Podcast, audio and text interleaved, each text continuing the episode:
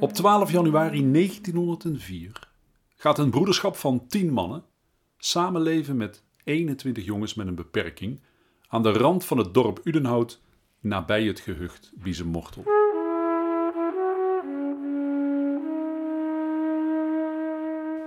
En dat, dat is de start van Huizen Assise, dat nu bekend staat als Landpark Assise. Deze tien mannen doen dat niet zomaar vanuit het niets. Ze zijn lid van een broederschap dat op dat moment al meer dan 200 jaar bestaat. Het broederschap van de broeders penitenten.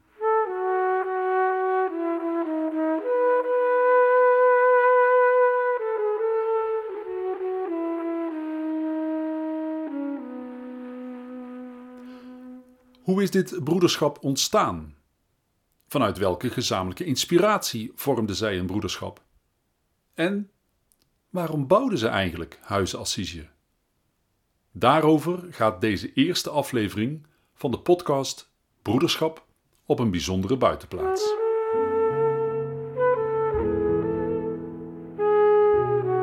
Ik ben Michael Kolen en sinds 2005 werk ik als geestelijk verzorger op Landpark Assisi.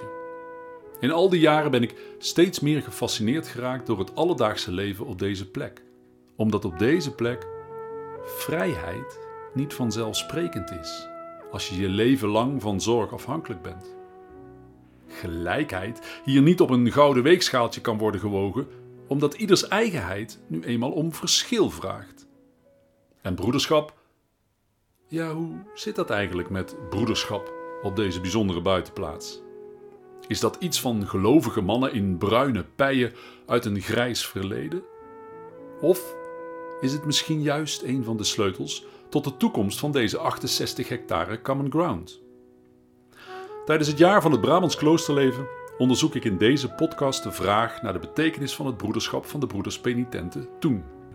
En in het verlengde daarvan naar de betekenis van nieuwe vormen van broederschap op deze bijzondere buitenplaats in onze tijd. Maar eerst laten we broeder Dionysius aan het woord. Hij is de laatste nog in leven zijnde broeder die op Huizen Assise heeft gewerkt.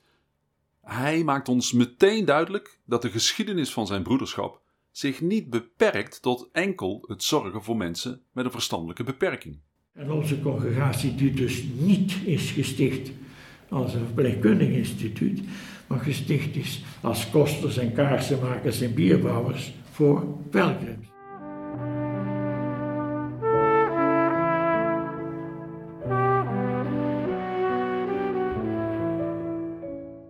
Maar waarom is dat broederschap dan ooit wel ontstaan? Op woensdag 7 februari 1674 wordt in het plaatsje Hoogloon in de Brabantse Kempen een jongetje geboren. Hij krijgt de naam Daniel. Zijn redelijk welgestelde ouders runnen een boerenbedrijf en bierbrouwerij.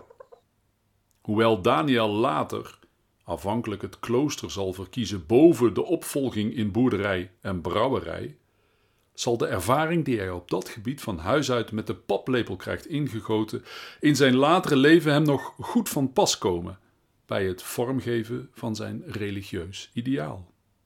Niet voor niets wordt hij bekend als Daniel de Brouwer, stichter van de Broeders Penitenten.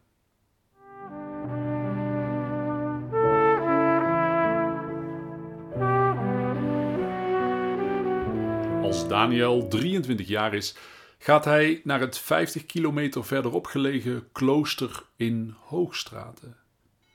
Hier raakt hij vertrouwd met de Franciscaanse spiritualiteit.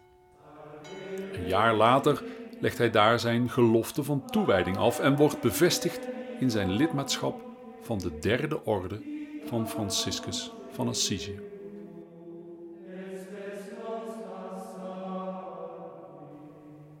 Het leven als kloosterling, afgezonderd van de wereld, blijkt uiteindelijk toch niet helemaal bij hem te passen. Hij voelt een sterke drang om dat waar hij in gelooft, juist midden in die samenleving concreet handen en voeten te geven. De derde orde van Franciscus van Assisi, waartoe hij behoort, biedt hem de mogelijkheid. De mogelijkheid om ook als gewone burger in de maatschappij het ideaal van Franciscus na te leven. Daniel verlaat daarom het klooster en trekt de wereld in.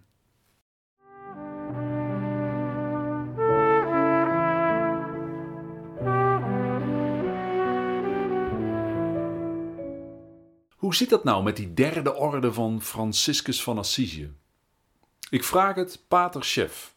Hij was de laatste kapucijn in Biezenmortel.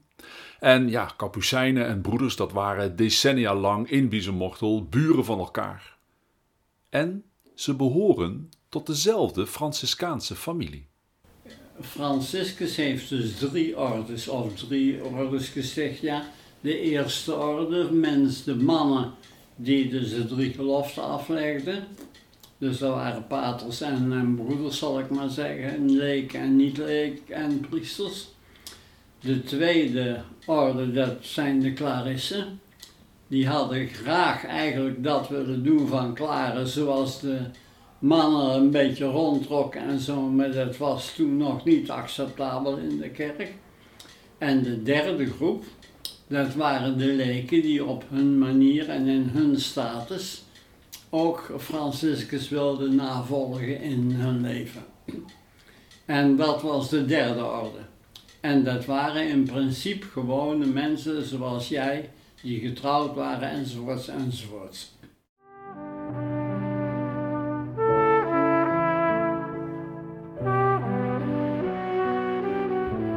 Maar wie was nou die Franciscus van Assisi die Daniel zo ontzettend graag wilde volgen? Om een antwoord te vinden op die vraag moeten we terug naar het Italië van de middeleeuwen, zo rond 1200.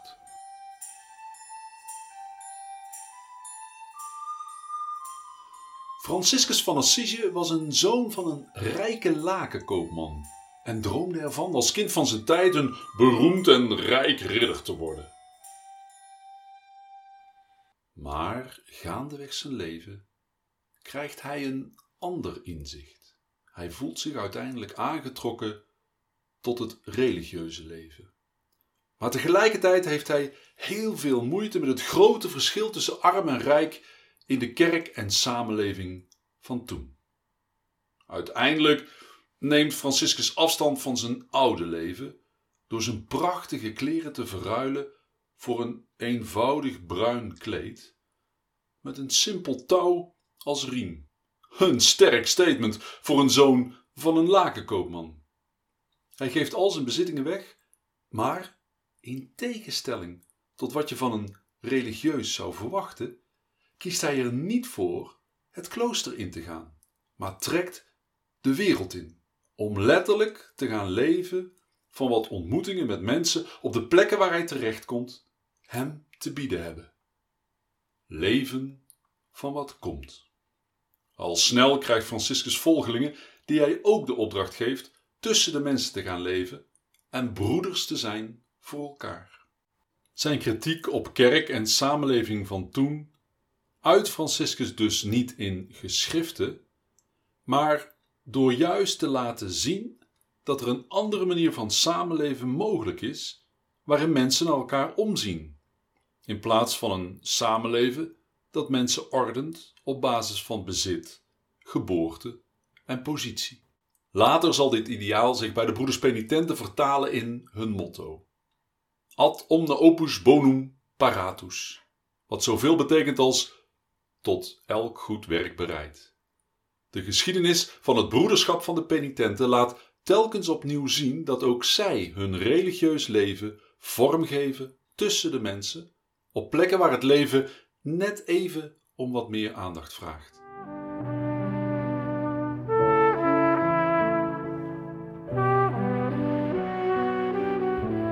Ik ga op bezoek bij broeder Dominicus in Apeldoorn. En hij leeft, zoals hij dat zelf zegt, als buurman tussen de psychiatrische patiënten op dat GGZ-terrein. Wat ooit de Sint-Jozef Stichting van de Broeders Penitenten was.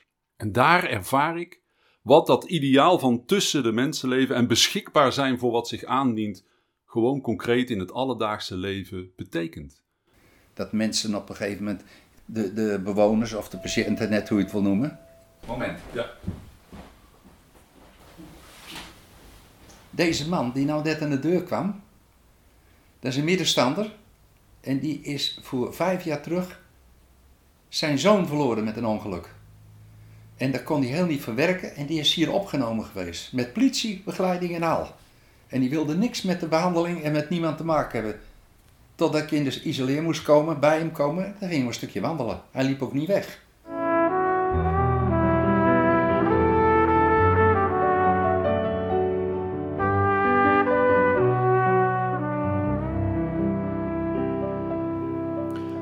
Terug naar Daniel de Brouwer.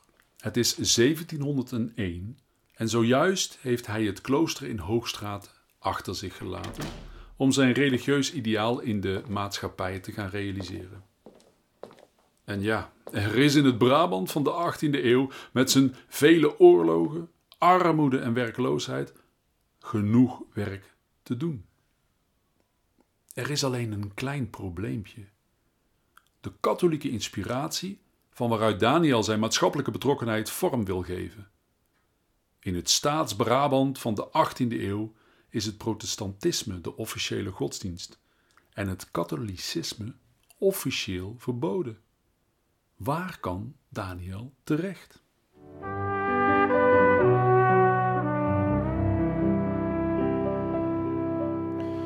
Daniel belandt uiteindelijk in het plaatsje Meerveld, in de buurt van Eindhoven. Midden op dat moment in officieel protestants gebied. Daar wordt hij ook nog eens koster van het plaatselijke Mariakapelletje. Zijn komst en vooral ook het enthousiasme waarmee hij in en rondom de Mariakapel aan het werk gaat, zorgt dan ook voor de nodige commotie in protestantse kringen. Toch wordt hij aanvankelijk gedoogd. Een jaar later, in 1702, sluit zijn eerste volgeling, Petrus Sturlings uit Tilburg, zich bij hem aan. Ze vormen samen een wat men noemt seculier broederschap. Hoewel ze gewone burgers zijn en dus geen officiële religieuze, dragen ze wel, net zoals hun grote inspirator Franciscus, een bruine pij. Burgers in pij zijn het dus. Daniel en Petrus zullen bijna dertien jaar lang samen optrekken rondom het werk bij de kapel. In 1715 komt er vers bloed in het broederschap. De op dat moment 24-jarige Petrus Moeskops uit Eindhoven sluit zich bij hen aan. Als de kapel in Meerveld wordt afgebroken, omdat de stenen nodig zijn, nota bene voor de bouw van de pastorie van de dominee, neemt het broederschap het aanbod aan om in het ook dan al beroemde Maria Bedevaartsoord Handel hun kosterschap en kaarsenmakerij voor te zetten. Handel ligt dan in een van de enclaves in Brabant waar het katholieke geloof wel is toegestaan of minstens wordt gedoogd, omdat die gebieden niet onder het bestuur van de republiek vallen. De drie mannen pakken hun schamele bezittingen bijeen en gaan te voet naar een nieuwe woonplaats.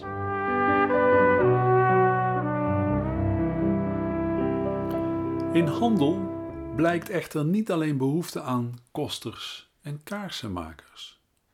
Er is grote behoefte aan katholiek onderwijs. In 1725, twee jaar later dus, starten de broeders daarom met een kostschool. Van heinde en verre komen katholieke kinderen daar onderwijs volgen, omdat het in hun eigen woonplaats verboden is. Met de groei van het aantal leerlingen op de school groeit ook het broederschap. Naast de kaarsenmakerij, de boerderij en de onderwijsactiviteiten werken broeders en passant ook nog mee aan de ontginning van de omgeving en komt Daniel op het idee om, u raadt het al, bier te gaan brouwen. Maar juist dat zorgt voor problemen.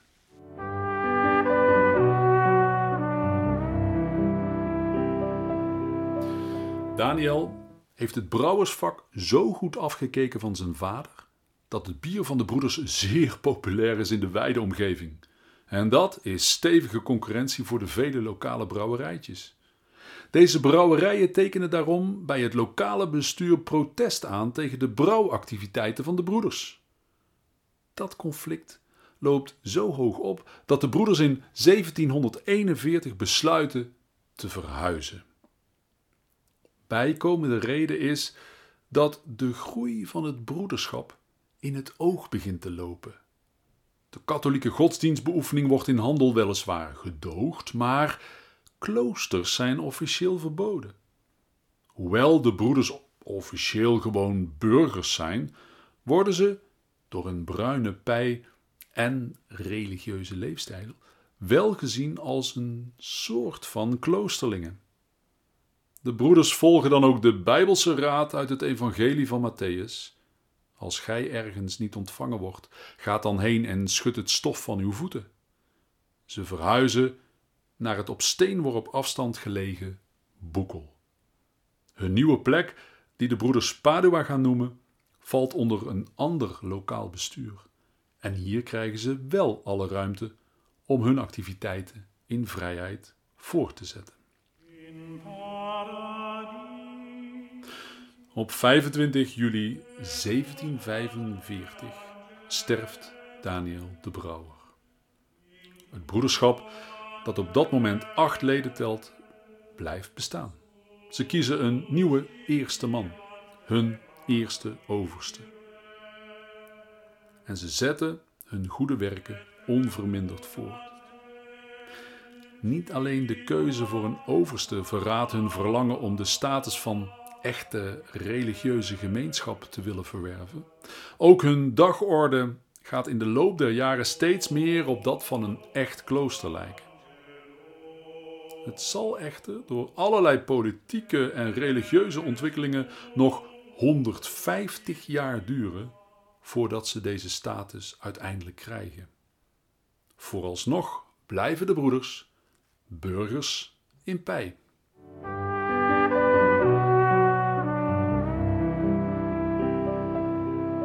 Wat is nou de betekenis van dat broederschap van het allereerste uur met Daniel de Brouwer als grote inspirator? Ik vraag het broeder Savio, de huidige overste van de broeders penitenten. Ik denk dat ik, eh, af en toe denk ik dat ik heel dicht weer bij Daniel ben. Die eh, ook eh, het klooster verlaten heeft, goeiedag gezegd en eh, ik ga wel ergens zitten en ik ga wel wat doen. En zo doe ik het nu nog.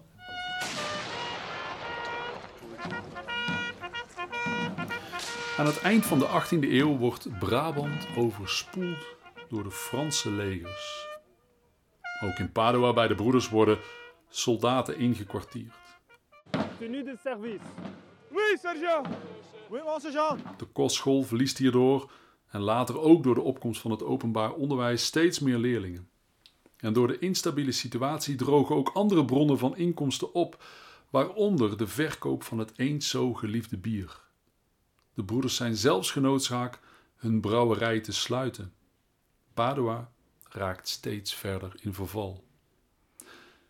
Het is deze periode aan het begin van de 19e eeuw die het broederschap in een crisis stort, die hen ook bijna met uitsterven bedreigt.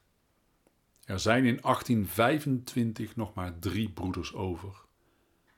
Net op het moment dat tot overmaat van ramp een van de overgebleven drie uittreedt omdat hij gaat trouwen met een plaatselijke boerendochter, wordt het broederschap gevraagd of zij de zorg voor een krankzinnige man op zich willen nemen. De twee overgebleven broeders besluiten op de vraag in te gaan.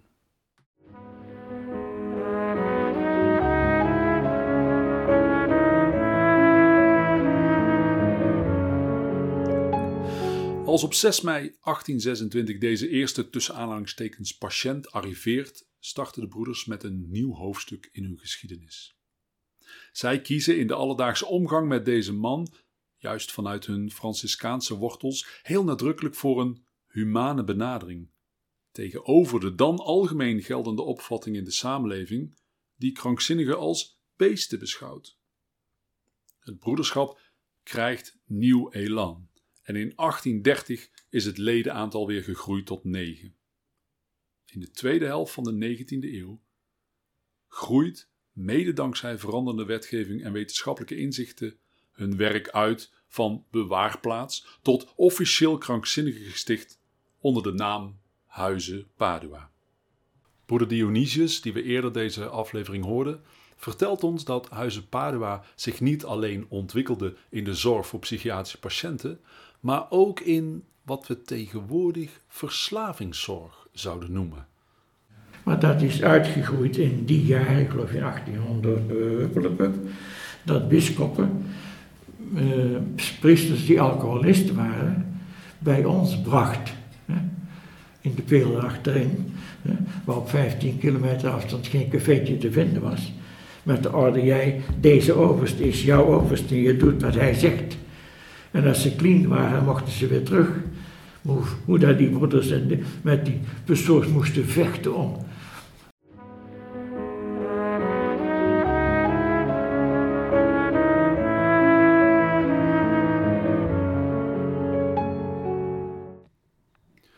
Tot slot de vraag: waarom startte nou in 1904 de broeders penitenten Huizen Assisië?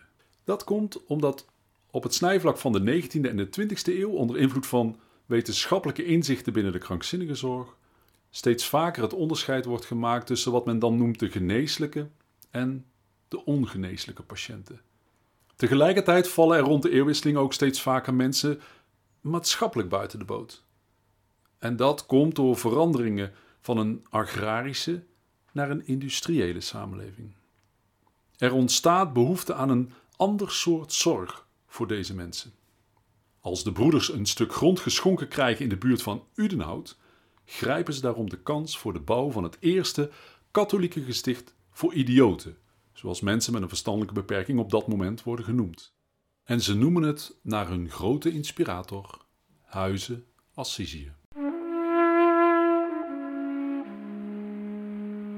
lag het accent van het broederschap in de 18e eeuw op vrijheid van onderwijs, richtten de goede werken van de broeders zich in de 19e eeuw met name op gelijkheid van mensen, of je nu geestesziek bent of niet. In de 20e eeuw komt het broederschap zelf steeds meer centraal te staan. Na een grote periode van bloei lijkt het broederschap binnen enkele jaren zijn betekenis volledig te verliezen. Het ging niet ineens, maar het, het, het pakte je wel. Je was er soms dagen zelf mee bezig. Waarom gaat die weg? Maar... In de komende afleveringen neem ik u mee in het verder verloop van broederschap op deze bijzondere buitenplaats. Dank voor het luisteren. Deze podcast wordt gemaakt door de Franciscuskapel op Landpark Assisië en de muziek is van Erik Vloeimans.